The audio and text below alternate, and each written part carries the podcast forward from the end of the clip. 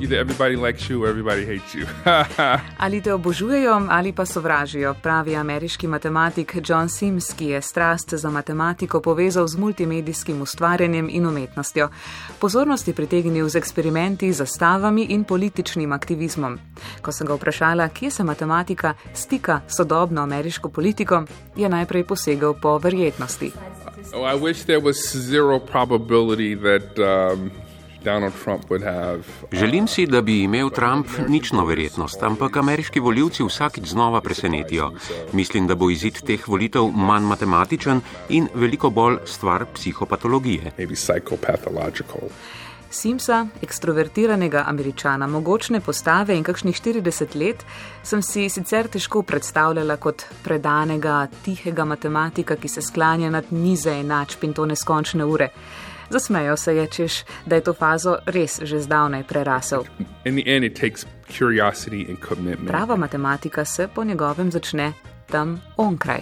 to move beyond one's training and even one's talent. Onkraj, čez drill in čez talent. Naslednji, ki sem ga ujela pred mikrofon, pa je matematiko poročil z glasbo. Yeah. I'm math musician. Oh. Matematik glasbenik. Mate musician, tega ne znam tako elegantno prevesti v slovenščino, kot se temu reče po angliško. Zelo spakedrano in enostavno, mate glasbenik je Žil Barua, ki se je za nameček naučil še malo slovensko. Dober dan, sem Žil, sem profesor matematika.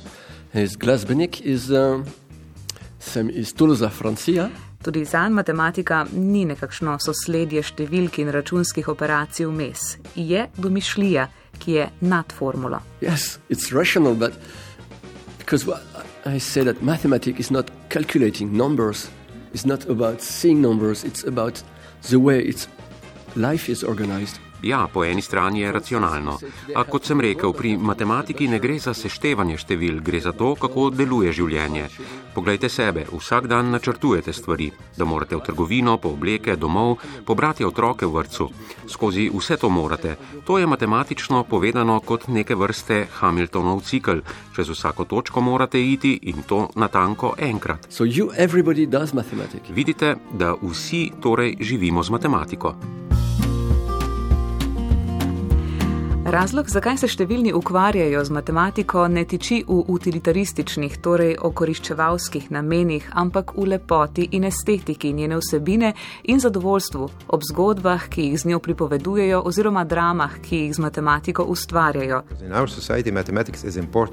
Dva taka sta tudi Dirk Heilebrook in Reinus Roilovs, belgijec in izozemec, ki številkami zasledujeta tudi zabavo. Because together we discovered that Leonardo was not such a good mathematician. Skupaj sta denimo odkrila, da Leonardo da Vinci niti ni bil tako dober matematik. Rajnus je to odkril pred nekaj leti, a zaradi spoštovanja do velikega umetnika tega ni hotel obešati na veliki zvon. Potreboval je torej nekakšen zlobni um, ki bi to razpršil v javnost. In tu sem svojo vlogo odigral jaz. Jaz sem tisti negativec, zaradi katerega je zgodba postala znana javnosti. Ja, v delu tega velikega mojstra se pravzaprav ne skriva prav nič več zanimivega za matematika sodobnega kova, saj je delal precej očitne matematične spodrsljaje. Neverjetno, ne? A po drugi strani je morda za ljudi danes spodbudno prav to, da je imel celo genij, kakršen je Leonardo da Vinci, težave z And now, matematiko. to be honest, he made mistakes, but after all, the drawings he made are of a superior, superior beauty. A Rajnusa Roilovsa zaradi izjemno domiselnih struktur, ki jih ustvarja, kličejo tudi Ešer sodobnega časa. Ki črpa ideje v naravi morda? just in your mind. Ne, matematika je veliko bolj doma v našem umu. Veliko ljudi misli, da se v naravi skrivajo vsi odgovori, a je narava pravzaprav zelo omejena. Veliko prikladnejši vir je naš um. Od tam izvira prava matematika.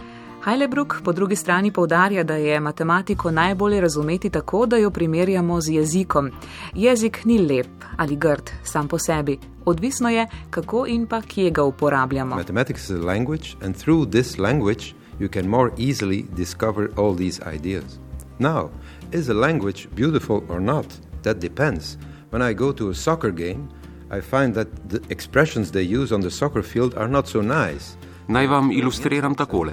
Če greste na tekmo, slišite sila veliko grdih zmerljivk. Če berete poezijo, je jezik lep, speven, božajoč. Matematika je lahko lepa, lahko pa je tudi zelo grda, pozna namreč nešteto zelo grdih in čudnih formul. Prve formule pred stoletji so bile zelo lepe, danes pa vemo, da potrebujete celo stran za čisto osnovno formulo tega, kar se dogaja v atomu. Je kot jezik, ki je lahko zelo lep ali tudi zelo grd, odvisno, kaj z njim počnete. Negative, it depends on what you do with that language. Čisto za konec si vprašam, kako je matematika vplivala na njo in na ljudi njunega kova. Heilebrug pravi, da se marsikaj pri njem vrti okrog števila pi. But I think I did because, for instance, my car is a Kia P Canto. Eh? So P Canto, and they had to separate the P from the Canto. Moj avto, na primer, je Kia Picanto, ob čemer sem pri nakupni pogodbi ustrajal, da so Pi ločili od Canto. Tudi v svoji vozniški imam Pi 3,14. Zanimivo, da mi policisti zaradi tega mojega kompliciranja še niso dali kazni. Ne vem, če to številko prav dobro poznajo. Kakorkoli tudi moj bančni račun ima število Pi. Kličejo me profesor Pi zaradi inicijalk mojega imena in primka. Tudi če prespim v hotelu, vprašam za sobo 314. If I go to a hotel, I always ask room 314. Yes. Večina ljudi misli, da so matematiki zelo ambiciozni in da težijo potem, da bi razložili svet, vesolje in lepoto narave, sta dejala. Resnica pa je ta, da si večina matematikov prizadeva le, da bi iznašli majhen doprinos, da bi napisali majceno, vendar usodno pomembno formulo, s katero bi si lahko pomagali pri razumevanju dela stvarstva. In to je to, nobene druge filozofije ni.